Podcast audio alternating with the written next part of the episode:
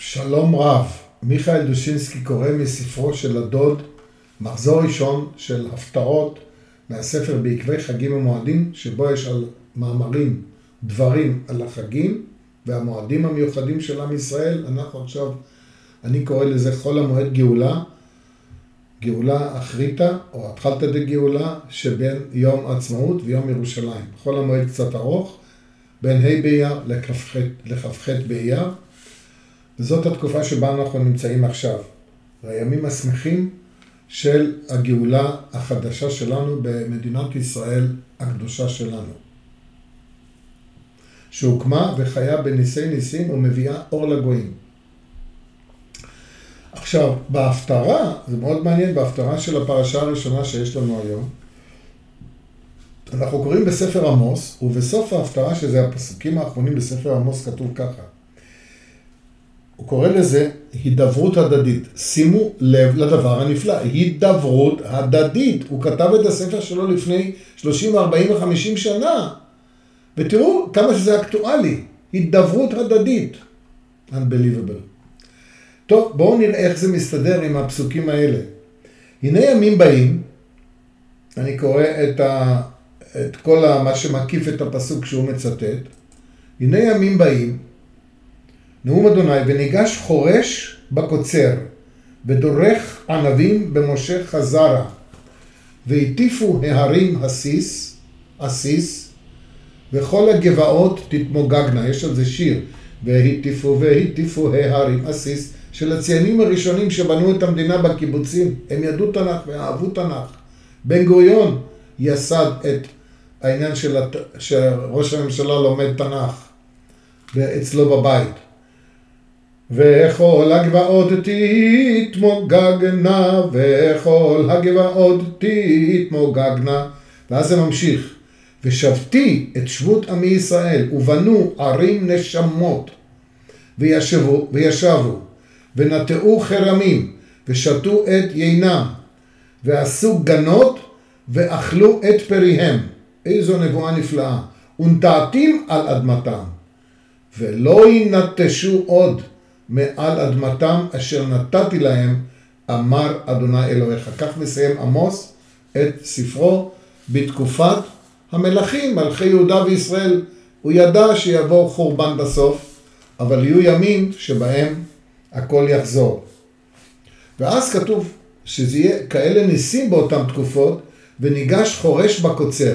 זאת אומרת שהתקופה שה, שבין החרישה של השדה לבין קצירת התבואה, החרישה ואחר כך הזריעה ואחרי התקופה, זה בדרך כלל לוקח הרי שנה, זה שנה משנה, לא. ניגש פורש בקוצר, זה יהיה אחד אחר השני כל כך מהר, כל כך הרבה תבואה תהיה. וגם, הוא דורך ענבים, זה שכבר דורך את הענבים ועושה את, את היין, זה יהיה מיד לאחר מושך הזרע. זאת אומרת, זה שרק מושך את הזרע, זה נקרא למשוך כאשר אתה זורע. את הזרעים אתה הולך עם, אה, אה, עם שקית כזאת ואתה מושך ונותן לזרעים לנטוף אה, ממך למטה, להיטמע בקרקע. כך היו, כך זורעים. אז הוא אומר ככה, החורש הוא זה המתחיל בעבודת הקרקע, ואילו הקוצר מסיים את עבודת היבול של השנה. רישא דקרא, תחילת הפסוק, החורש הוא המתחיל. ניגש, המתחיל,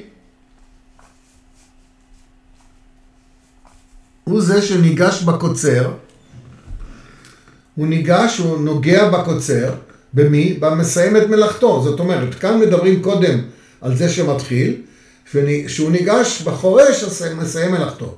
ואילו בסיפא דקרא, בסוף הפסוק, הנביא אומר הפוך. דורך הענבים זה זה המתחיל. כן? דורך ענבים, הגומר את המשכת היין מן הגרגרים, זאת אומרת, שסוחט את הענבים, דורך אותם, הוא ניגש במושך הזרע, במתחיל. עכשיו הוא אומר, מה הסימבוליטיות כאן? היא כזאת.